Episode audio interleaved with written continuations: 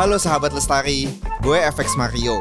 Selamat datang di podcast Faktual, fakta, kebaikan, dan cerita Aqua Lestari. Dalam memperingati Hari UMKM Nasional tanggal 12 Agustus, Danon Aqua melalui podcast ini mau ngajak kamu untuk ngobrol tentang usaha mikro, kecil, dan menengah atau yang biasa disingkat UMKM. UMKM ini banyak berperan penting dalam perekonomian Indonesia loh. Kenapa? Karena sektor UMKM ini sangat besar jumlahnya di Indonesia. Harapan kita sesi podcast ini bisa menjadi inspirasi untuk sahabat lestari di rumah. Khususnya yang tertarik atau yang lagi berkecimpung di dunia bisnis atau UMKM supaya bisa bertahan di era pandemi ini. Sahabat lestari sadar nggak? Dalam menjalani aktivitas sehari-hari, kita nggak akan bisa lepas dari keberadaan UMKM. Mulai dari beli sarapan pagi, sampai beli barang kebutuhan pokok. Semua ngelibatin keberadaan UMKM loh. Dari data Kementerian Koperasi dan UMKM, menunjukkan jumlah UMKM di Indonesia mencapai 64 juta unit dengan kontribusi pada PDB 2018 sebesar 61,07 persen. Sementara tenaga kerja yang diserap pada tahun 2018 sebanyak 116 juta orang. Nah, kali ini kita ngajak kamu dalam sebuah obrolan menarik seputar UMKM ini. Kita akan ditemani oleh Bapak Budi Raharjo atau biasa dipanggil Mas Bujo sebagai Agriculture and Economic Development Manager dari Danone Indonesia. Lalu ada Mbak Ria Sarwono, pelaku UMKM sekaligus founder Cotton Inc. Halo Mas Bujo, halo Mbak Ria, halo halo, selamat datang di podcast Faktual. Halo Mas Mario. Halo halo. Halo, kabar? sahabat Baik, lestari. baik. Halo, salam salam lestari. Salam lestari Mas. Sahabat lestari.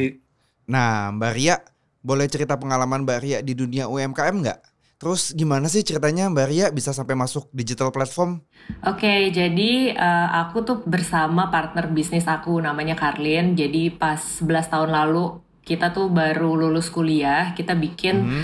kita bikinlah nih si Cotton Ink ini. Di- Jadi dari awal dari dari awal itu memang namanya sudah Cotton Ink Oke. gitu. Eh, modalnya juga nggak banyak ya. Waktu itu modalnya satu juta, aku 500, Karlin 500. Aku ingat banget, aku nggak akan pernah lupa itu. itu juga itu juga minta, itu juga minta ke ayah aku waktu itu kayak eh, ya Oke. pinjem uang dong, hah mau ngapain mbak gitu? Iya aku mau. Bilang buat modal Enggak, ya. enggak, enggak. Kita bahkan nggak nggak bilang buat modal. Kita cuma bilang kayak mau bikin kaos gitu. terus iya terus udah gitu Oke. ayah aku yang kayak oh ya ya udah oke gitu. Nanti balikin ya gitu. Iya ya oke. Ya udah gitu. Jadi dengan modal yang sangat minim itu kita bikinlah si printed t-shirt. Gitu. Jadi produk pertamanya Cotton Ink itu printed t-shirt. Nah memang pas uh, aku mulai sama Karlin itu si Cotton Ink, uh, kalau misalkan zaman dulu mungkin uh, anak zaman dulu taunya tuh 11 tahun lalu kalau ada zaman zamannya distro. Distro. Nah. ya kayak di Tebet ya kalau di Jakarta ya. itu tuh distro lagi uh, agak turun. Dia Oh, lagi iya, udah mulai pas turun aku ya? mulai, ha-ha, jadi dia udah pick terus dia turun tuh, dia Mhm. mulai menurun lah gitu, maksudnya pamornya gitu. Terus ya udah, uh, kan kalau dulu kan kayaknya orang kalau mau punya brand baju atau apa gitu kan harus oh at least ada toko lah gitu ya. Di- ya harus di kawasan tertentu gitu. Iya. Nah terus aku dan Karlin ya at that time kita baru lulus kuliah dan kita ya nggak punya uang kan gitu. Maksudnya kan kalau untuk bikin toko kan ya pasti modalnya besar gitu. Betul, butuh modal ah, besar. Jadi belum belum jualan barang udah tekor duluan gitu. gitu. Terus eh, nah pada waktu 11 tahun lalu itu Facebook terus em, itu lagi peralihan tuh. Friendster udah nggak zaman, Facebook lagi naik-naiknya pada waktu itu. Aha. Itu zaman di saat semua orang tuh ngetek eh, misalnya nih kita foto kita jualan Mhm. eh, kaos gitu saat ya, kaos dan model kayak jadi eh, si kaos itulah gitu. Nah itu satu foto kaos itu di tag 10 20 teman-teman kita gitu. Jadi kan 20 Oke. orang teman kita kan ngeliat gitu eh ini si Ria lagi jualan apa sih? gitu. That's exactly what we did 11 tahun yang lalu dengan Cotton Ink gitu. Jadi hanya bermodalkan Facebook aku Facebook Karlin terus kita foto-foto aja foto-foto sendiri kita upload di Facebook gitu. Aha. ya nyangkut lah gitu. Maksudnya kayak eh, ternyata orang tuh kayak eh lo jualan ya sekarang gitu mau dong gitu. Nah dari kayak hal yang sesederhana itu eh, si modal 1 juta itu mulai muter Mulai tuh muter tuh ya, oke. gitu nah terus Itu laku semua tuh saat itu. laku semua tapi memang nggak langsung First kayak batch laku first semua. batch first batch laku gitu tapi ya nggak dalam satu jam habis gitu enggak ya. gitu maksudnya ya Kan orang belum tahu soalnya ya. ha gitu nah terus dari satu juta itu kita putar lagi putar lagi putar lagi nah kita mulai berpikir bahwa oke kita nggak bisa nih jualan lewat Facebook Oke. terus gitu oh akhirnya kita bikin platform eh kita eh, waktu itu jualan lewat blogspot waktu itu tapi sem tapi semua pemesanan, order, fulfillment segala macam ya udah lewat email Oke. gitu. Jadi kita emang udah digitalize Dari awal ya. that ha. gitu from the first place gitu ya gitu karena kan uh, daripada kita kayak aduh ngeliatin waktu itu zaman masih BBM Masih BlackBerry BBM Messenger. ya. Broadcast riwah. message. Ya ya ya. riwah banget Diumumin pakai banget broadcast kan, message. gitu. Ya. Iya, riwah banget gitu. Jadi akhirnya kita bikin sistem gitu. Oke, eh, kalau misalkan order isi ya, eh, order formnya kayak gini. Nanti eh, kita reply apa dan segala macam. Kalau udah payment, eh, nanti kita kabarin, confirm segala macam. Nah, bekalnya kita mulai dari blogspot itu dua tahun kemudian kita bikin web store Oke. gitu. Jadi waktu itu eh, aku rasa kayak brand-brand di Indonesia belum ada yang punya eh, online store sih gitu. Jadi em, ya we're the first one gitu ya untuk kayak brand fashion ready to wear Indonesia gitu. Eh, kita punya online store itu gitu. Karena aku ingat banget teman aku juga yang kayak pada bilang, "Eh, Ri lo jualan online emang ada yang beli? Hey jangan salah ada nih yang beli gitu maksudnya ya ya pada waktu itu ordernya juga eh, ya 30 40 gitu tapi kan lumayan gitu. Jadi ya we're kind of eh, lumayan educating the people gitu pada waktu itu educating the customer bahwa eh ini ada channel belanja baru online loh gitu. Lo bisa eh, pas lo lagi makan siang di kantor lo ya lo klik aja gitu Ya, ya, katening.co.id gitu. Ya udah gitu kan tanpa lo harus perlu eh, pergi ke toko gitu. Nah ya udah habis dari Jadi habis modalnya dari- nggak terlalu besar ya. Tapi gara-gara network pertemanan bisnisnya bisa makin gede. Iya. Aha. Bener gitu. Jadi aku dan Karlin jadi sampai sekarang kita tetap berpikir bahwa ya there's no such thing yang instant Ya. gitu karena kita juga eh, kita juga pas mulai kata ini juga nggak langsung jualan 100 piece kaos Ya. kok gitu. Kita jualan dari dua- 12 piece dulu Oke, bahkan. satu Dari lusin 12 ya, satu piece. lusin. Iya satu lusin kita putar lagi jadi 24, kita putar lagi jadi Nice, 48 gitu. Jadi ya there's no such thing as the instant uh, result Instant success, gitu. yes. Mm-mm. Setuju. Semua emang harus dimulai dari kecil dulu, berani coba, berani nekat berjuang, baru pelan-pelan semua akan jadi gede. Oke, sahabat Lestari, Eh, ngobrol-ngobrol dikit deh kita sama Mas Bujo. Mas Bujo sebagai Agriculture and Economic Development Manager Danone Indonesia. Ini ngapain aja Mas sehari-harinya Mas? Iya, saya di Danone Indonesia sehari-hari menanggung jawabi program-program pengembangan ekonomi dan agriculture untuk Oke. masyarakat di sekitar pabrik. Jadi Oke. Danone Indonesia itu punya eh, program untuk Uh-huh. masyarakat sekitar dan programnya beragam. Oke. Ada konservasi, ada penyediaan air bersih, pengelolaan Oke. sampah dan sebagainya. Nah, saya fokus untuk em, mengawal, memfasilitasi proses-proses pendampingan bagi komunitas di sekitar pabrik yang menjalankan usaha-usaha mikro, usaha menengah, dan pengelolaan eh, pertanian. Gitu, Mas Oke. Mario. Sehari-hari saya di Oke. situ.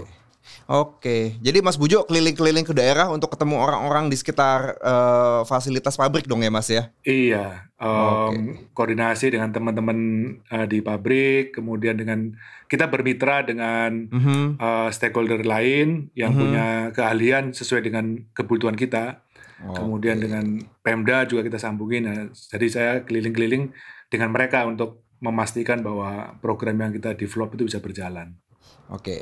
Jadi kan di Indonesia ini keberadaan UMKM tentu saja butuh banyak dukungan dari berbagai dari berbagai pihak ya, terutama untuk menghadapi pandemi ini. Gimana sih dukungan Danone Aqua terhadap UMKM di Indonesia?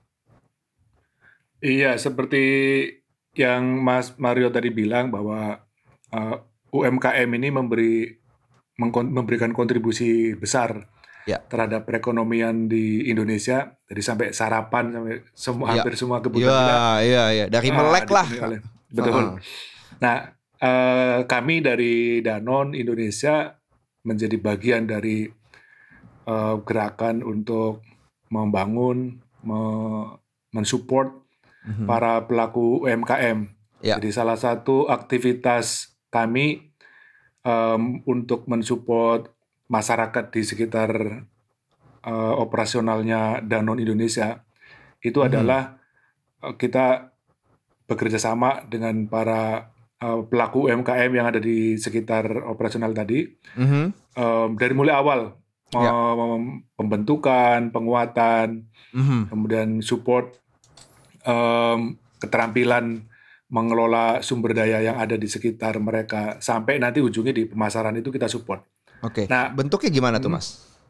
Bentuknya dari mulai pelatihan-pelatihan Oke. karena masyarakat di sekitar wilayah operasional kita ini kan sebetulnya kebanyakan masyarakat rural, Oke. ibu-ibu rumah tangga, Oke. atau misalnya anak-anak anak-anak muda karang taruna biasa yang memang Mhm. kegiatannya kegiatan um, tidak berorientasi ke bisnis, Oke. Uh, tapi kemudian melalui program EcoDev (Economic Development Agriculture) tadi, Mhm. kelompok-kelompok seperti ini kita beri pelatihan-pelatihan bagaimana uh, berproduksi, Oke. bagaimana packagingnya, bagaimana um, meyakinkan orang untuk menjual, dan proses produksi juga proses proses produksi yang bersih ya, aha. Um, dan um, Yang standarnya juga bagus lah ya, Mas ya. standarnya bagus supaya Aha.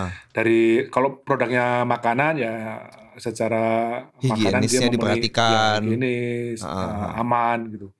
Kalau untuk produk-produk yang lain tentu juga bagaimana supaya proses produksinya juga aman bagi mereka. Contohnya misalnya membatik Aha. atau membuat kerajinan-kerajinan dari eh, sampah daur ulang. Oke. Eh, itu itu kita kita eh, di banyak tempat itu mulai dari nol.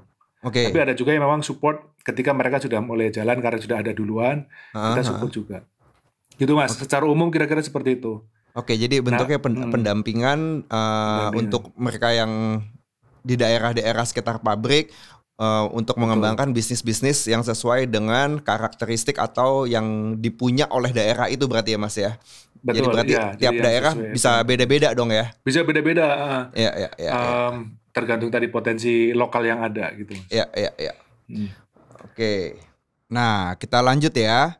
Mbak Ria dan Mas Bujo melihat pandemi ini apakah sebagai suatu kendala, hambatan, atau malah opportunity nih? Dari Mbak Ria dulu deh. Gimana menurut Mbak Ria?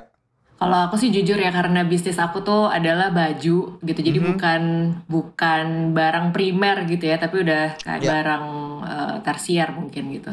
Jadi ya dengan adanya eh, pandemi ini ya jujur aja ini seben- ya musibah sih buat bisnis aku gitu. Karena Oke. kalau jujur dong. Gitu karena ya karena gimana gimana nggak musibah ya. Karena eh, ya bisa dibayangin kayak semua plan dalam tahun ini tuh kita harus eh, stop gitu. Terus eh, kayak misalkan contohnya kita kemarin mau buka toko yang kelima yang harusnya Ya. kita udah bisa buka di Q1 itu mundur ke Q2 gitu itu berarti kan kalau dari segi kita eh, dari segi bisnisnya tuh kayak ya uangnya stuck dong Ya. uangnya nggak muter gitu itu Aha, satu Bisnisnya melambat. bisnisnya melambat gitu. Terus uh, yang kedua, yang tadinya kita juga bergantung sama offline store kita ada empat, uh, itu juga di mau nggak mau kan tutup selama tiga bulan gitu. Jadi um, banyak sales yang nggak terrealisasikan gitu. Sedangkan Oke. fixed cost-nya kan ya tetap berjalan Harus jalan. gitu gitu jadi em, ya jujur aja tiga bulan kemarin itu adalah uh, challenge ya aku nggak bilang ya mungkin aku harusnya nggak boleh bilang musibah ya tapi it's more to challenge gitu Mhm. karena ya kita nggak akan benar-benar bisa uh, ya ya it's business gitu lah kita juga maksudnya Mhm. harus harus prepare tapi ya nggak ada ya seprepare prepare kita nggak nggak ada yang nyangka bahwa kayak eh oke toko tutup ya tiga bulan Mhm. gitu gitu sih jadi ya menurut aku uh, ini salah satu situation yang di mana aku dan uh, Karlin uh, di challenge untuk jadi lebih kreatif lagi gitu dengan channel yang dengan channel distribution yang masih bisa kita andalkan yaitu adalah social media dan online web store sendiri Iya. gitu. Jadi yang tadinya kita eh, apa namanya yang tadinya kita eh, kalau misalkan kan orang-orang juga mungkin kalau misalkan di Instagram bisa lihat ya gitu kayak misalkan ada paid ads gitu. Jadi orang bisa nge-promote bisnisnya easily gitu. Ya. Ya sekarang kita dituntut harus eh, ya lo masa nggak sensitif banget sih lo lagi zaman susah kayak gini lo masih aja ya jual-jualan baju lo gitu. Ya kan bisnis harus tetap jalan Nah, ya. tapi akhirnya di situlah uh, as a brand gitu, Mhm. as a brand tuh kita di challenge untuk uh, ya how to communicate with your customer gitu. Tapi Iya. uh, apa namanya how to communicate with your customer di masa susah gitu. Iya. nggak hanya di masa yang senang-senangnya aja gitu. Jadi um, ya kita Cotton Ink pada waktu itu kita membuat uh, sebuah campaign uh, one purchase makes a difference gitu. Jadi kita uh, apa nge-tweaknya dari sisi yang sebelah uh, satunya lagi gitu. Jadi nggak hard sell banget. Biasanya kan kayak oh new arrivals every Monday gitu. Kalau tapi Yes. kalau sekarang kita lebih encourage dan educate people gitu bahwa eh kita nggak bisa nih ngebiarin uh, ekonomi uh, perputaran ekonominya tuh stop gitu. Iya, iya. Walau jadi lo beli satu baju aja itu tuh rantai ekonominya ke belakangnya tuh Betul. panjang banget gitu. Jadi dengan Iya, lo iya, beli iya. satu baju uh, satu produknya Cotton Ink itu tuh lo udah ngehidupin penjahit Iya. uh, ya ad- uh, dan dan di belakang-belakangnya gitu. Iya, Jadi iya, iya. mungkin itu orang yang benar gitu. Jadi kan masa rodanya tetap kita harus paksa puter gitu walaupun Iya. ya gerakannya jadi berat banget gitu. Cuma ya apa ya maksudnya kayak ya kita mengeducate people dan mengencourage people gitu. Jadi bukannya kayak ya lo lagi zaman susah lo masih jualan baju enggak juga gitu. Cuma kalau ekonominya kalau ekonomi berhenti ya wah susah Betul. sih gitu. Maksudnya kayak untuk untuk take off lagi udah wah udah nggak ngerti lagi deh gimana caranya Iya. gitu. Saya setuju Hmm. kok. Berapa kali ekonomi Indonesia itu kan diselamatkan dari oleh konsumsi dalam negeri kita sendiri gitu Hmm. kan. Mau di luar krisis kayak gimana, Hmm. asal kita tetap paling nggak ngasih makan yang di dalam negeri ini, pakai baju buat yang di dalam negeri. Dengan konsumsi dalam negeri ini kita bisa menyelamatkan ekonomi kita sendiri gitu. Betul. Kayak tadi Mbak Ria bilang dari satu baju ini ada tukang jahitnya, ada tukang kainnya, ada yang nyablon gitu kan, packaging, ada yang antar barang, banyak yang terbantu gitu dari cuma satu konsumsi kaos misalnya. Mm-mm. Oke, saya setuju, setuju. Thank you Mbak Ria. Oke Mas Bujo, tadi kan eh, kalau lagi kondisi normal ya kita eh, sebelum pandemi itu pasti tuh yang yang kita Iya. bisa berbisnis dengan nyaman, dengan gampang, eh, kita bisa produksi, kita bisa jual. Tapi di masa pandemi gini Mas, eh, apa sih bantuan dari Danon Aqua untuk UMKM yang tadi udah dibina gitu kan? Pasti ini kan kondisinya beda nih, nggak Iya, seperti betul. eh, masa yang dulu gitu kan ya. Mm. Jadi apa yang dibantu dari Danon Aqua Ya. Mas? Em, pandemik ini memang eh, sangat berdampak terhadap aktivitas eh, UMKM. Mm-mm. Krisis-krisis sebelumnya UMKM bisa eksis, eh, bisa eh, survive. Iya. Krisis 2008, krisis 98. Mm-mm. Tetapi kali ini yang paling terhantam adalah UM- UMKM karena memang ada pasar turun, kemudian Iya. karena orang eh, membatasi pergerakan Jalan-jalan, Nah, membatasi pergi betul. pergi gitu Nah, kan ya. Heeh. Nah, kita pada masa awal pandemik itu segera melakukan assessment Oke. eh, dampak apa yang eh, terasa di setiap lokasi Mhm. program. Eh, cek satu persatu. Waktu itu udah menggunakan em, komunikasi online. Dari Oke. situ kemudian kita ambil aksi em, untuk support mereka dan ini donasi pendekatannya karena selama ini sebenarnya kita Oke. tidak melakukan kegiatan eh, donasi kepada para UMKM Apa tuh Mas Eh, yang didonasikan Mas? donasi real untuk mereka bisa survive sembako eh, Sembako ya? itu betul jadi Mm. dana program lah katakan itu switching sekian persennya untuk support mereka itu gerakan pertama untuk Mhm. memastikan bahwa em, masyarakat yang ada di sekitar pabrik itu aman Mhm. Eh, sebelum bantuan-bantuan lain dari pemerintah pada datang nah baru kemudian kita rancang bagaimana em, ketika usaha-usaha mereka mengalami apa namanya slowdown Mhm. kemudian supaya kemudian mereka bertahan. Di sini menarik sebenarnya banyak inisiatif-inisiatif uh, yang muncul sifatnya sangat lokal uh, switching bisnis mereka. Itu yang kita Switching fasilitasi. bisnis. Mm-mm. Jadi termasuk diajarin eh, sebaiknya melakukan apa nih gitu ya, diganti Mm. ke jualan apa atau bikin apa Ah, gitu berarti ya Mas ya. Betul. Misalnya kalau kelompok yang selama ini bikin rajutan, bikin Oke. uh, batik, bikin uh, jahit, Heeh. itu produksi um, apa namanya uh, masker. Kemudian Ya, oke. Betul. Sekarang Jadi- semua butuh masker ya Mas. Betul. Atau misalnya ada beberapa kelompok yang semula cocok tanam jahe apa segala macam, Ya. jahenya kemudian mereka produksi jadi minuman. Eh, oh langsung karena- jadi jamu. Betul. Oke. Karena oke. selama ini kan mereka sebagai petani ya, ya hanya jualan jahenya gitu. Tapi begitu ada Mhm. kebutuhan, udah jahenya diolah, eh, justru kemudian akhirnya dapat eh, added value. Iya, iya. Jadi nggak jual jahe mentah ya, Oh, jualnya udah jahe yang ready to drink ya. yang instan eh, kan udah Instan. lagi kebutuhan juga naik gitu kan. Iya, Ada iya, cara-cara seperti itu atau misalnya yang semula budidayanya bunga potong iya. Mm-mm. eh, ganti ke eh, sayuran. Nah itu kita fasilitasi itu Eh, kita okekan atas usulan-usulan seperti itu, Mhm. supportnya juga kita berikan. Itu tahap-tahap pandemi itu yang kita lakukan. Sambil ada yang di ujung-ujung ini ketika em, apa namanya sudah mulai oke gitu situasinya sudah meskipun sama-sama masih riskan ya, tapi Ya. secara mental orang udah mulai siap. Itu pasar Hmm, hmm, kita uh, genjot. Yang semula jualannya belum pakai online kita perkenalkan. Itu momennya menarik nih. Itu, kita termasuk pelatihan on, eh, berjualan online gitu, Mas. Betul. Em, di apa namanya dibuat infrastrukturnya oleh teman-teman eh, pendamping di Ya. lapangan supaya Ya. mereka bisa eh, menggunakannya. Oke. Gitu, Mas. Mas Bujo, Yep. UMKM yang dibina oleh Danone Aqua ini kan banyak nih ya, Mas. Ah, ah. Ada di sektor apa aja sih eh, sebenarnya? Ya, karena memang keberadaan kita lebih banyak di daerah rural, daerah pedesaan, Ya. maka di daerah pedesaan karakteristiknya kan kelimpahan sumber daya alam. Ya, Eh, pertanian memang- berarti ya. Betul, lebih banyak memang em, pelaku-pelaku UMKM itu memanfaatkan sumber daya alam yang ada di sekitar mereka. Sehingga Mhm. contoh-contoh produk itu misalnya em, makanan-makanan apa istilahnya Khas ya, daerahnya. yang khas daerah yang Oke. memang bahannya itu juga dari situ dan makanan Oke. jadi makanan khas eh, Ya, daerah ya, itu. ya. Aha. Em, kemudian eh, beras tadi Ya. kembali beras kan produk dari dari kampung ya dari desa. Ya, ya, ya, ya. Em, petani-petani kita himpun, kita organisir. Aha.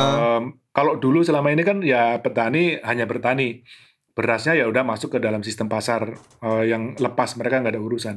Nah Hmm. eh, kita masuk membina petani tidak hanya bertaninya bercocok tanam, Oke. tapi juga sampai mereka punya brand. em, Sampai punya beras. brand. Oke. Betul. Oke. Jadi kita punya brand namanya Orisa. Kalau beras, eh, kalau Aha. eh, teman-teman sahabat lestari nemu produk Orisa Oke. di pasar, Aha. itu berarti produk dari dampingan kita. Dari Itu dari daerah mana tuh Mas Oriza itu Mas? Orisa ada dari Cianjur, dari Aha. Wonosobo. Oh, nggak cuma satu daerah justru? Oh enggak, ada ada banyak Jadi tempat. semua daerah yang bikin beras Di- dikasih dikasih label Oriza gitu Orisa. ya. ah. Oh, udah Yang- masuk Jakarta Mas? Masuk Jakarta. Jakarta. Oke, nanti aku cari ah. Hehehe. Ya, Mana Em, jadi udah masuk mana aja? Jakarta, Bogor. Jakarta ya tadi kalau misalnya Jogja, Klaten, Jog- terus Oh, oke. em, apa namanya Bali itu juga Oke, oke. em, brand Orisa muncul. Oke, itu beras, contoh. Ah, ah. Kemudian eh, kopi, kopi, Kopi. juga ada ada di Oke. beberapa pabrik yang punya produk kopi. Selama ini Ah. mereka udah eh, berproduksi, sudah Ah. eh, masarin gitu, mengolah. Tetapi kemudian lokal dengan brandnya masing-masing. Misalnya ada Oke. kopi Tebak di di, Ah. di Tanggamus di Lampung, ada kopi Sukir di Wonosobo. Tapi itu lokal. Nah kemudian em, di awal-awal pandemik ini kita angkat kopi dari mereka itu kita olah di satu tempat supaya Mm-mm. standarnya sama. Kita Mhm. kasih brand namanya kopi Tirto. Nah kopi Tirto ini itu jualnya kopi beans eh, biji kopinya Ada- atau udah ada instan pilihan, jadi ada yang bean, kemudian Hmm. ada yang sudah digiling, ada beberapa pilihan, Oke. dan Ah. yang ada inovasi kemasan saset. Uh, jadi satu kali seduh Ah, um, untuk uh, satu saset. Dalam Ah. satu bungkus itu ada beberapa saset supaya nanti sampahnya Oke. tidak terlalu banyak. Oke, oke, Gitu. oke. Kita lagi uh, meng-create namanya uh, kopi seminggu. Itu dalam satu satu kemasan isinya Jadi seminggu saset. satu kotak gitu ya, Mas? Sa- satu satu satu ya satu satu kotak. Satu pack. Ah, ah, Ah, ah, itu cara-cara sebenarnya untuk mengangkat apa namanya orang supaya nyaman gitu si apa penikmat oke. kopi gitu. Itu Oke. contoh. Kemudian ada batik, kemudian em, apa namanya wisata. Wisata ini sebetulnya eh, mengemas produk-produk masyarakat, Mm-mm. cara penjualannya melalui wisata. Dan wisata kita itu ada nuansa edu- edukasi. Jadi sebenarnya Itu ini kayak bisa gimana, di- Mas? Boleh diceritain nggak? yang wisata edukasi misalnya eh, di Sukabumi ada anak-anak muda mengelola kegiatan eh, river tubing. Em, tetapi peserta river tubing yang di situ itu tidak Oke. hanya main main di air, Oke. Tapi nanti di shelter tertentu akan berhenti, kemudian ada edukasi tentang bagaimana menjaga kebersihan um, badan sungai dari sampah, kemudian um, soal konservasi supaya air tetap ada, supaya kita bisa tetap main air, kita Oke. harus merawat hutannya gitu. Oke. Kemudian setelah selesai di tempat um, finish, ketika jalan balik itu akan melalui kawasan pertanian. Di situ nanti ada edukasi. Kawasan lagi. pertanian. It- oh, jadi bisa Dan lihat-lihat, betul. bisa nanya-nanya langsung gitu ya. Ah, Dan itu by skenario ya. Jadi memang Ya. em, nanti ada materi yang akan disampaikan. Jadi wisata mengemas tadi itu ya sumber Ah, daya jadi nggak cuma wisata tapi ada itu edukasinya. ada edukasinya. Dan itu di- dibantu dari Danon Aqua ke- terhadap apa bermitra dengan eh, mitra-mitra lokal gitu ya Mas mitra ya. lokal, betul. Ah. Oke, menarik, menarik, menarik. Mbak Ria, mau nanya dong, ini kan lagi pandemi gini pasti banyak UMKM yang kena nih. Dan Mbak Ria ini sebagai pelaku bisnis, eh, punya brand fashion, di belakang Mbak Ria ini kan pasti banyak support system. Ada tukang bajunya, ada yang produksi, ada yang mungkin ada yang jahit, sablon, dan segala macam. Gimana sih yang bisa kita lakukan buat bantu mereka ngelewatin ini gitu? Oke, jadi eh, pada waktu yang eh, pas PSBB itu ya, terutama ketika ketika salesnya Yes. drop banget, ya pas awal-awal itu ya Mas, Eh, kan Uh-huh. sales kita drop banget tuh 60-70% sih udah Ya. pasti. Em, di Ya. situ kita, em, aku dan Karlin membuat gerakan eh, 10.000 APD waktu itu. Jadi kita kayak Oke. mengajak mengajak em, masyarakat gitu ya untuk em, berdonate gitu dengan 50.000 tuh mereka Mhm. udah nyumbangin satu APD gitu. Jadi eh, emang mungkin nggak seberapa ya, tapi ya again itu adalah salah satu cara yang masih kita bisa pikirkan supaya at least roda ekonominya tuh tetap gerak gitu walaupun ya kita nggak Oke. bisa dong samain kayak misalkan before PSBB sama pas during PSBB maksudnya kayak sama-sama eh, apa namanya salesnya tinggi apa segala macam penghasilan juga eh, konstan dapatnya segitu kan enggak Ya, gitu. semua juga susah gitu pada waktu itu kan gitu. Tapi dengan si eh, gerakan 10.000 APD ini kita ber- kita berusaha lah seenggaknya untuk mengajak kayak penjahit-penjahit kecil eh, ikut berkontribusi gitu. Hmm, Jadi yes. walaupun jadi mereka juga kayak yang menawarkan diri, Mbak, saya udah saya ini langsung drop nih nggak ada pesanan gitu. Apa bisa dilempar ke kita gitu untuk jahit APD ini Ya. gitu. Berapanya juga oke deh gitu. Kayak gitu-gitu gitu. Jadi maksudnya em, itu uh, one off yang bisa kita lakukan lah gitu Oke. pada waktu itu. Terus Termasuk bikin masker lucu-lucu nggak? Iya iya akhirnya kita juga bikin masker gitu karena kita lihat emang demandnya ada. Ada kan Eh, demandnya, demand masker lucu tuh tinggi banget sekarang. Semua orang suka banget pakai masker yang begitu. Parah banget jadi contohnya contohnya aja ya kayak bapakku aja tuh dia tuh Aha. kayak tiap ada uh, new arrivals masker tuh dia kayak mbak mau dong masker kamu gitu kayak ayah ya ngapain sih beli masker sampai 50 biji tuh ngapain Ya buat dibagi-bagi nggak apa-apa Eh, dong. iya tapi ternyata tapi ternyata begitulah Iya, iya, gitu iya. maksudnya kenyataannya sekarang gitu Pola Jadi- konsumsinya bergeser pola gitu ya. konsumsinya Jadi ada bergeser kebutuhan baru untuk masker yang enak dipakai dan bentuknya lucu gitu kan. Iya kebetulan kita juga bikinnya kan masker kain jadi kan eh, nggak nggak sekali buang Oke. gitu ya jadi eh, ya oke lah cukup comfortable gitu. Karena selama ini online dan offline store-nya turun, ada upaya lagi nggak sih Mbak untuk boost eh, dari sisi online-nya? Em, Sebenarnya kita kalau ngeboost sales nggak ada yang sampai gimana banget ya Oke. tapi kita sekarang kita mode-nya survival mode aja sih. Ya ya. gitu jadi em, kita berusaha untuk mengeluarkan produk-produk yang lebih relatable dengan kondisi sekarang gitu jadi kayak misalkan yang tadinya uh, cotton ink mungkin lebih banyak baju uh, rapih untuk Ya. kayak ke kantor atau kayak ya everyday wear yang lebih rapih kayak kemeja shirting Mhm. gitu-gitu sekarang kita uh, lebih switching ke baju-baju yang nyaman gitu jadi bahannya kita ganti gitu terus Mhm. Eh piyama is a big hit kan ya?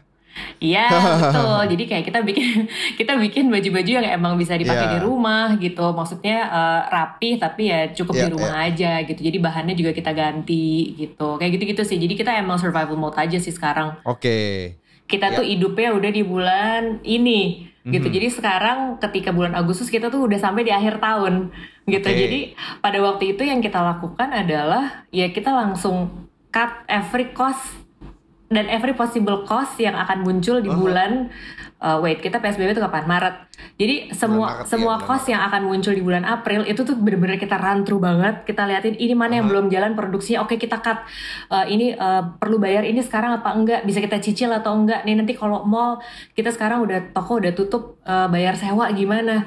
Jadi uh, kalau yang dilakukan Katening pada waktu itu adalah ya more uh, to cut cost Ya. dan uh, negotiate dengan pihak mall gitu tapi em, apa namanya jadi ada mungkin kalau di berasanya jadi lebih ada uh, B2B-nya gitu. Karena se- sejauh selama ini kan kita B2C gitu. Maksudnya Ya, kayak customer ya, kan ya. langsung belanja di uh, web store gitu kan. Tapi ini sekarang lebih ada kayak uh, ada perusahaan lain yang yang bilang kayak eh kita mau order masker dong di lo gitu. Sejumlah segini Hmm, gitu. oke, nah oke, ya kayak gitu-gitu. Lumayan lah napas sedikit buat bayar orang. Itu karena Mbak Ria aktif nawarin ke perusahaan atau misalnya nawarin gue punya masker nih atau mereka yang datang ke Mbak Ria sih? Eh, dua arah sih gitu. Jadi ada yang kita berusaha arah ya? jualan, terus eh, ada yang Oke. mereka juga approach kita gitu.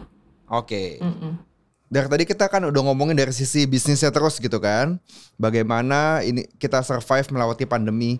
Tapi kita sebagai konsumen tuh enaknya mesti gimana sih untuk dukung UMKM? Kan karena kalau kita dukung UMKM kita tujuannya bisa menyelamatkan ekonomi bangsa ini gitu kan. Gimana Mbak Ria? What do you think? Em, ya setuju sih dengan kalimat itu ya. Jadi em, kalau sekarang aku lebih kayak belanja, be- ya maksudnya belanja tuh lebih ya produk lokal gitu Yes. gitulah gitu. Terus kalau misalkan kayak belanja sayur ya di pasar Aha, gitu kan. aha. Sekarang juga kan maksudnya kalau belanja sayur kan juga udah kan ada yang online dan segala macam gitu. Tukang sayur aja sekarang bahkan belanjanya udah bisa lewat WA gitu kan. Harus kayak hai abang sayur mau beli gitu kan. Enggak juga sekarang udah mudah Bang gitu. pesen Jadi nanti taruh di depan pintu ya gitu.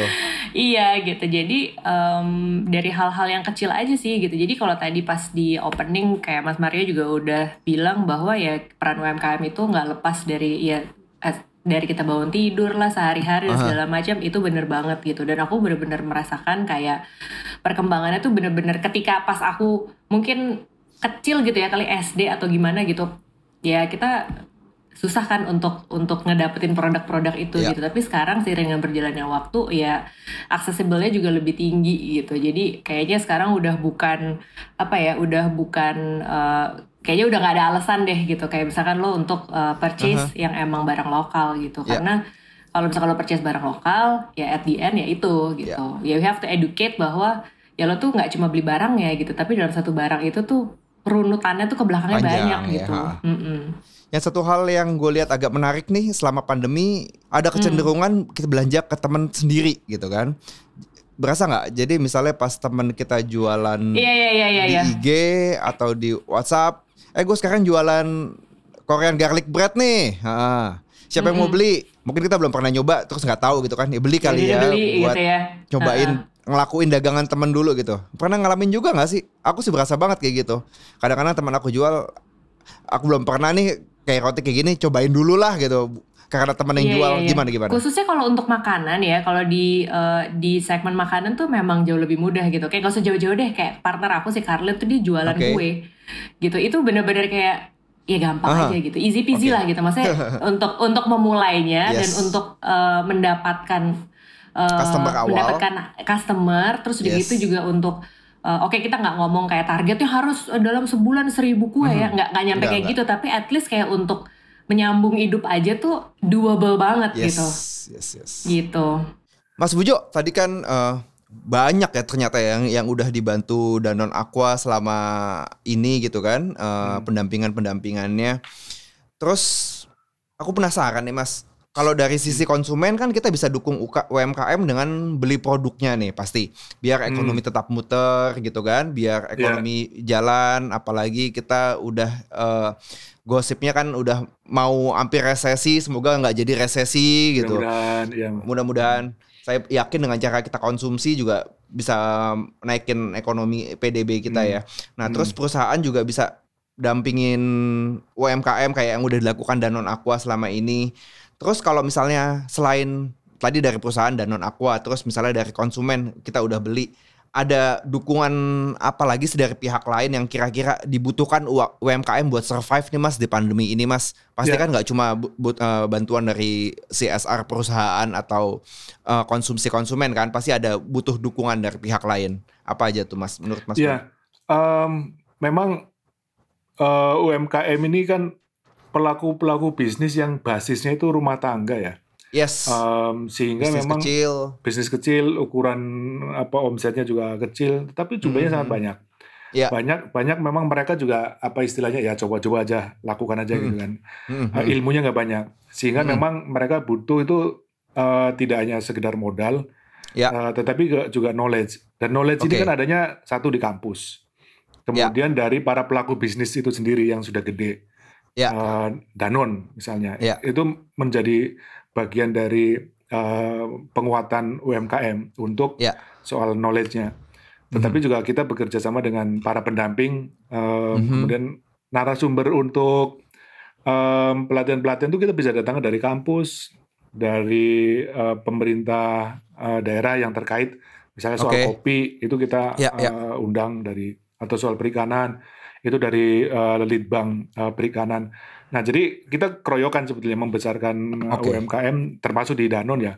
Ya. Kemudian belakangan ini ketika pandemik menghantam, Ya. em, pemerintah juga buat saya ya perhatiannya luar biasa. Alokasi dana eh, pemerintah untuk mensupport UMKM itu eh, buat saya keren banget gitu, nggak apa Ya, bahkan ya, ya. ba- belum banyak terserap ya, tapi Iya belum banyak terserap tapi udah mulai itu, kan. uh-uh, Mm. uh, dari mulai support untuk permodalan, kemudian Ya. relaksasi apa namanya uh, pinjaman, Ya. kemudian subsidi bunga, kemudian pengurangan pajak uh, apa itu namanya PPH. Ya, uh, pajak PP UMKM 23, aku ya. dengar eh, di diskon sampai akhir tahun. sudah didiskon terus katanya mau dinolkan juga Mau, itu. mau itu dinolkan, mau dinolkan ya Ah, kemarin baru untuk baru lihat di sosial media. Itu itu Betul, uh, betul. keren. Artinya support banyak Em, gerakan yang di launching oleh pemerintah pusat yang Ya. namanya eh, gerakan bangga buatan Indonesia.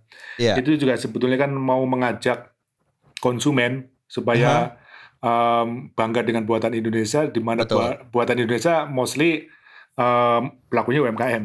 Mhm, Kalau mhm, gerakan mhm. itu berjalan, artinya yang mensupport UMKM itu ya pemerintah, perusahaan swasta, perguruan tinggi, pemerintah daerah, termasuk dan konsumennya juga kita kita Ah, ini gitu ya mas Betul, ya. heeh, Ya ya ya. gitu, ya. Mas. Jadi apa nggak bisa cuma satu dua pihak ya semua kalau mau survive di pandemi ini mesti saling bekerja sama, Iya, mesti saling saling Bahu-membahu. bantu, bahu membahu, Iya, gotong royong, apa pun Betul. istilahnya. Ya itu hikmah yang sebetulnya Iya iya eh, iya. iya. didapat ya. Selama ini kita take it for granted aja ya. Oh, oh. Ekonomi jalan gitu, tapi Hmm. ternyata kalau pas lagi ada masalah ya kita mesti sama-sama, we're in this together gitu kan. Betul. Ya, ya, ya. Oke, sahabat Lestari, saya juga mau ngingetin buat teman-teman yang sekarang ini udah punya bisnis UMKM untuk jangan patah semangat karena potensi buat bisnis ini tuh bisa besar banget loh. Kita bisa berkembang dan emang memungkinkan eh, untuk berkembang dalam UMKM.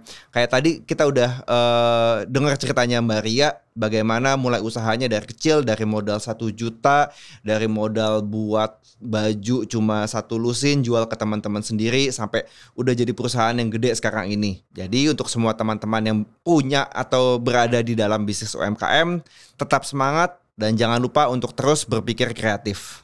Sahabat Lestari, sekarang saya mau bacain pertanyaan-pertanyaan yang udah masuk ke sosial medianya Aqua Lestari.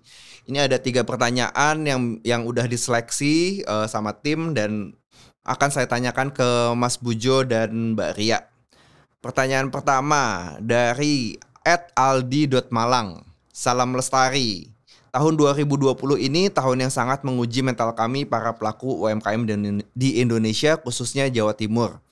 Danon Aqua sebagai salah satu perusahaan besar pastinya mempunyai program pendampingan terhadap UMKM. Yang saya tanyakan, gebrakan apa yang saat ini dilakukan kepada UM, UMKM binaan Danon Aqua dan planning ke depannya seperti apa sih? Terima kasih. Ini buat Mas Bujo kali ya. Jadi Iya. mau ada gebrakan sama planning apa nih Mas buat teman-teman UMKM di 2020 ini nih? Ya, salam lestari Mas Aldi dari Kota Malang, Malang. ya. Yes, yes, Ya. yes. Em, ya, gebrakan buat buat saya ya yang dalam kondisi pandemi ini Mm-mm. dari uh, Danon Aqua gebrakan pertamanya tadi yang saya cerita bahwa um, kita support mereka agak OOT emang agak Mm-mm. um, karena yang biasa kita support soal skill soal apa namanya penguatan uh, organisasi kooperasinya dan sebagainya tapi kemudian um, kita support mereka supaya aman dulu itu gebrakan Oke. pertama dan ini Oke. uh, masif.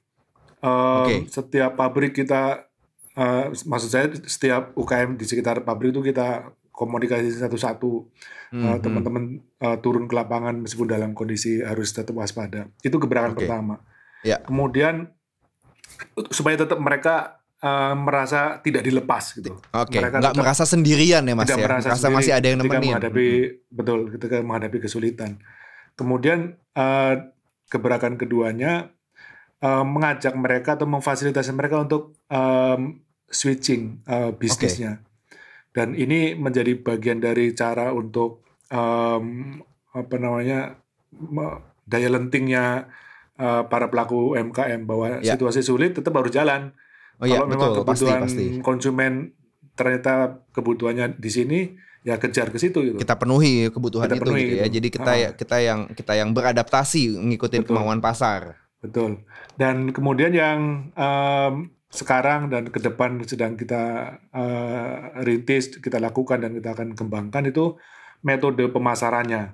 Teman-teman kebayang kalau kita tadi ya ibu-ibu eh, di kampung kemudian punya produk, pasti yang akan dilakukan itu adalah menjajakan. Dan itu yang Oke. terjadi. Ibu-ibu Ya, itu ya, ya. menjajakan, mem- mengenalkan produknya, Aha. ke warung, ke Ya. eh, toko oleh-oleh di kota tersebut misalnya, itu Ya. real dilakukan. Tapi Ya. pada kondisi sekarang kan nggak bisa. Nah, maka Hmm. kemudian kita kenalkan mereka harus punya eh, akun IG misalnya, Ya. eh, yang para kelompok-kelompok ini nih. Kemudian kita support mereka untuk bisa eh, masuk ke pasar eh, digital. Yang ini akan mempermudah em, untuk mereka bisa akses yang lebih luas, akses pasar Ya, ya. yang lebih luas. Kemudian em, kita masih apa istilahnya menunggu eh, untuk ke depannya ya em, Mhm. kesulitan mereka yang paling utama sebenarnya kan di pemasaran. Itu Ya. yang tadi kita em, akan support mereka untuk masuk ke platform pasar eh, digital.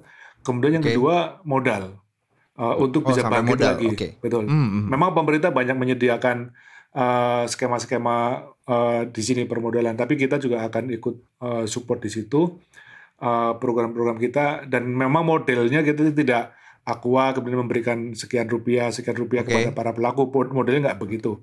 Oke. Tapi ada koperasi-koperasi yang support mereka, di mana koperasi ini adalah koperasi binaan kita. Jadi Oh, ada 12 jadi- hmm. Sistemnya da- eh, dari Aqua ke koperasi lalu eh, para mitra UMKM ini mengajukan pengajuan ke koperasi berarti ya Mas ya. Ah, ah, bisa seperti itu polanya atau strengthening si kooperasinya supaya kooperasi bisa menjadi lebih mudah dalam pelayanan Oke. sehingga akses ke akses para pelaku itu lebih lebih lebih cepat lebih mudah gitu untuk bisa Wow, jadi yang dibina nggak dibina nggak cuma UMKM ya Mas ya, tapi Koperasi. apa koperasinya juga dibina ya. Wow, betul. menarik. Para menarik, menarik. para pelaku UMKM ini kan anggota kooperasi Mas. Jadi- Koperasi pasti, iya. betul. Jadi saling mendukung. ah.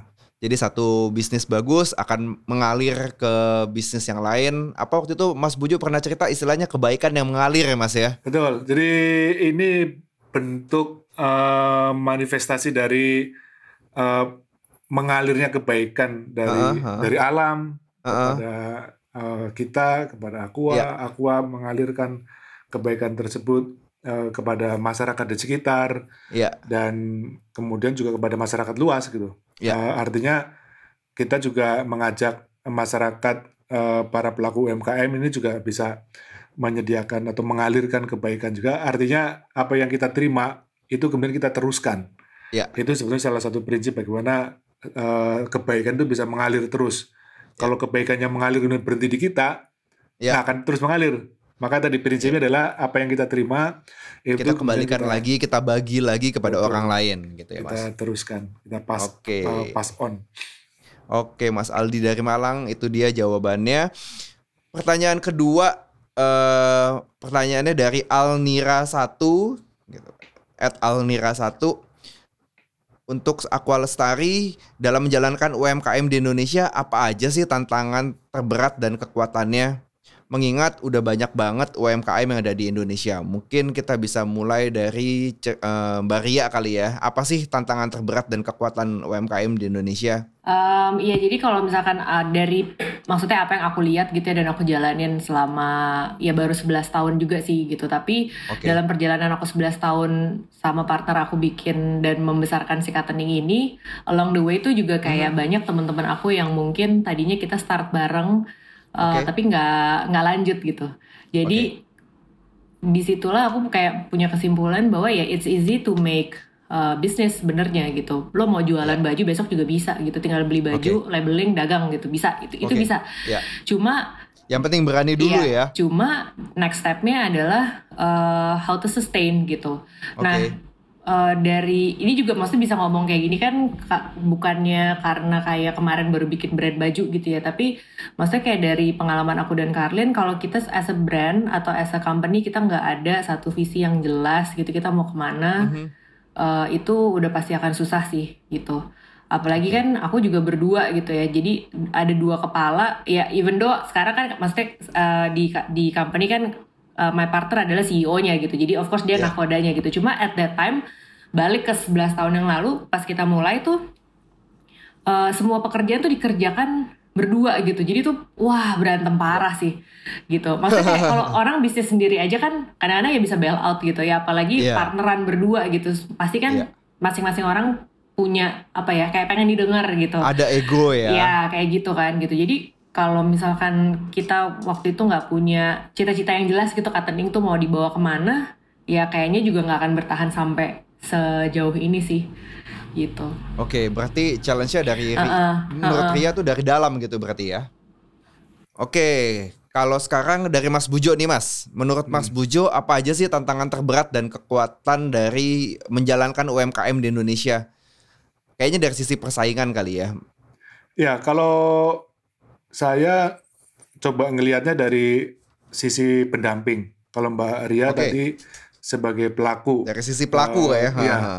Eh, tapi dari sisi pendamping eh, kita juga bisa ngelihat untuk melengkapi sebetulnya apa eh, tantangan dan kekuatan yang ada. Kalau dari sisi Ya. pendamping, em, yang paling berat untuk mengembangkan UMKM itu adalah merubah mindset. Mhm. Em, kebayang para sahabat lestari, kita Mhm. mendampingi ibu-ibu atau anak-anak muda yang ibu rumah tangga, Ya. eh, anak-anak muda Karang Taruna yang lebih banyak sebetulnya sibuk, misalnya Agustusan, eh, voli. Karena di awal juga mereka mintanya, tolong dong buatin lapangan voli. Nah, Kalau itu ya donasi gitu. Tapi Ya. kita kan pengennya anak-anak muda dengan uang sendiri bisa bikin lapangan voli gitu. Mhm. merubah mindset dari anak-anak muda yang biasa atau dari para ibu-ibu rumah tangga menjadi pelaku usaha itu yang paling berat. Mhm.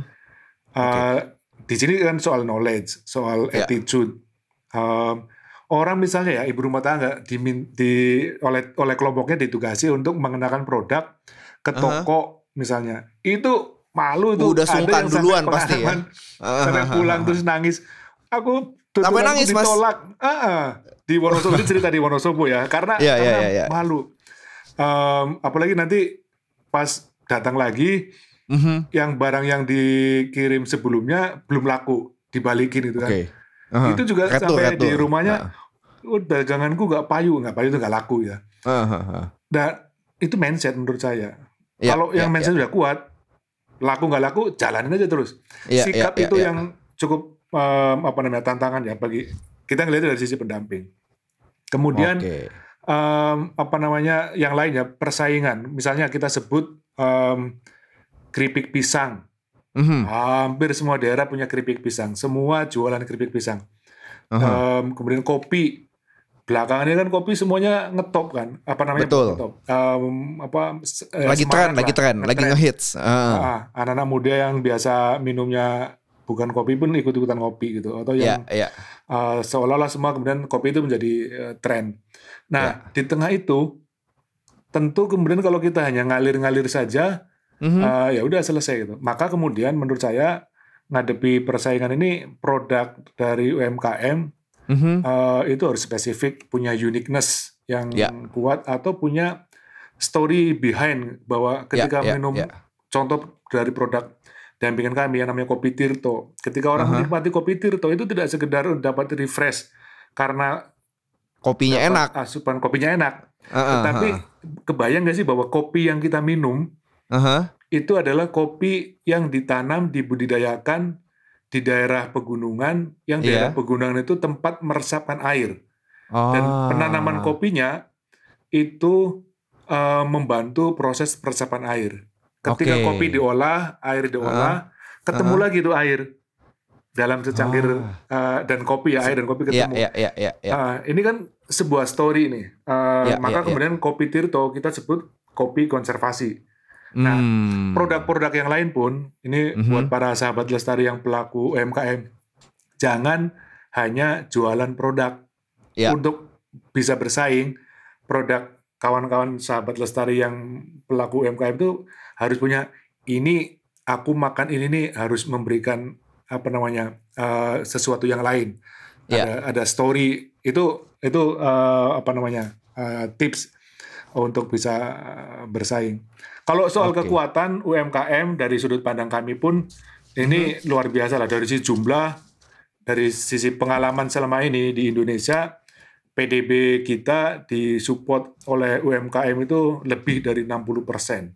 Ya, itu betul. kekuatan. Kita uh, terbukti dan pemerintah juga sangat support ke UMKM pada saat pandemik ini karena pemerintah juga melihat kekuatannya UMKM dalam membangun Indonesia gitu. Dan kita Oke. dari perusahaan juga melihat hal yang sama gitu.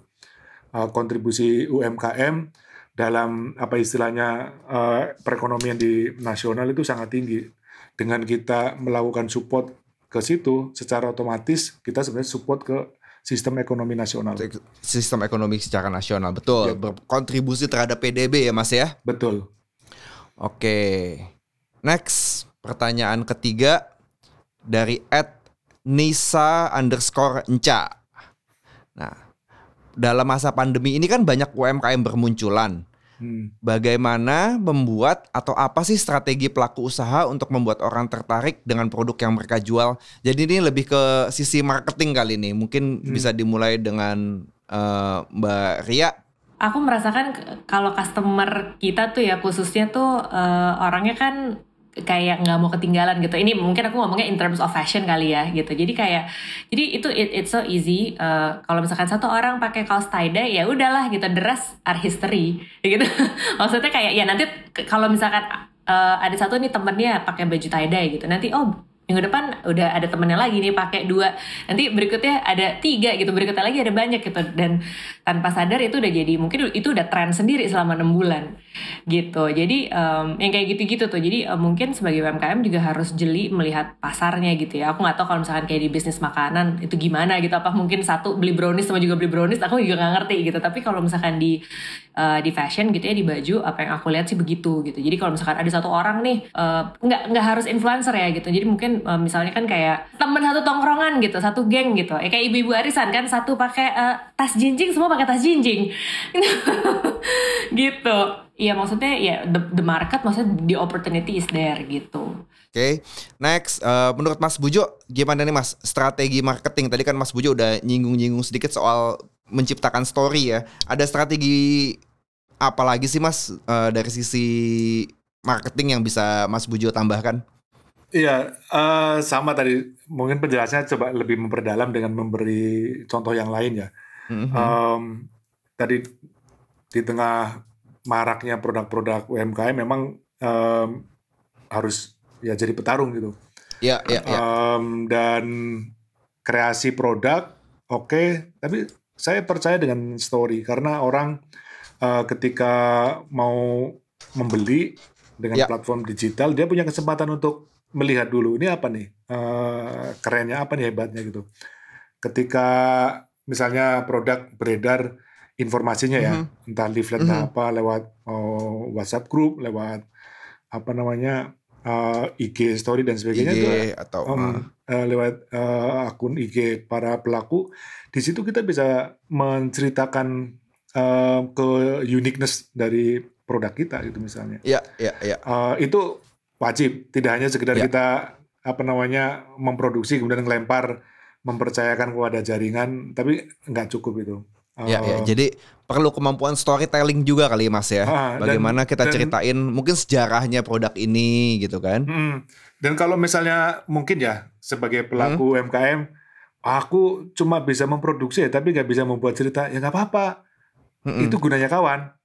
Iya betul cari pasti ada orang lain yang bisa yang bikin bisa cerita Heeh, itu yang kita lakukan mas misalnya tadi ya ya contoh ya ya ya contoh apa namanya eh, kopi Tirto tadi. Itu Kopi juga Tirto, ha. Mm-mm, petani tadinya nggak mikir ke situ kan. Teman-teman Iya, iya, para pendamping juga mikirnya nggak sampai sejauh itu. Tapi begitu kita diskusi gini ini kan asik nih gini. Jadi gitu. Aha. atau muncul misalnya ide-ide betul. untuk menceritakan kopi Tirto tadi ya. Mm. atau misalnya jadi batik. intinya ah, batik misalnya. Batik yang dibuat oleh kelompok difabel ya. Ini ketika kita em, tentu tidak kemudian em, me- men- menspesialkan kelompok ini karena Ya. mereka juga nggak mau dispesialkan gitu. Ya. Tetapi bahwa ada ada story behind atas produk tersebut gitu. Itu yang Mhm, mhm, sebenarnya bisa kita eh, share kepada eh, calon Audience, konsumen, kepada gitu, market. kepada audiens, Yes, kepada yes, market. yes. Demikian juga misalnya em, batik dari tempat lain di Pasuruan itu motifnya em, ada yang bisa kita ceritain terkait dengan Oke. apa flora fauna ada kekhasan-kekhasan yang bisa muncul. Dan itu kita maknai sebetulnya. Itu itu eh, tadi mem- mem- membangun story dari produk kita. Kita tidak hanya sekedar jualan em, apa namanya produk. Ya memang di tiap selembar batik kalau di Jawa itu kan ada makna dan sebagainya. Itu yang Iya, udah betul. pakem tapi nah pra- iya banyak padahal banyak orang nggak tahu ceritanya ya batik itu tuh tentang apa gitu ya, mas ah, ya betul Nah, atau ini ini dipakai buat occasion apa Betul. gitu Nah, tapi Ya, di ya, batik-batik yang kontemporer ini kan ceritanya relatif lebih bebas Iya. untuk meng-create eh, produk batiknya plus meng-create story dari motif tersebut. Itu asiknya di situ. Kalau yang eh, batik-batik apa namanya lama yang konve- eh, bukan konvensional apa ya istilahnya yang sesuai pakem lah. Itu kan pakemnya nggak boleh di utak-utik ya. Tapi yang ini kan bebas tuh yang batik-batik kontemporer. batik Hmm, lebih yang bisa berkreasi ya. di situ ya?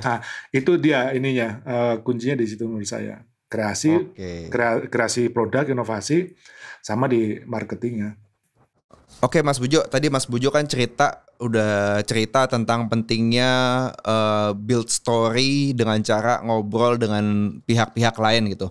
Kalau misalnya nih ada UMKM baru berdiri dan dia belum punya network, nggak kenal siapa-siapa, bingung mau create story seperti apa dari produknya dia. Menurut Mas Bujo, enaknya diapain sih Mas? Enaknya ngapain sih dia gitu? Hmm.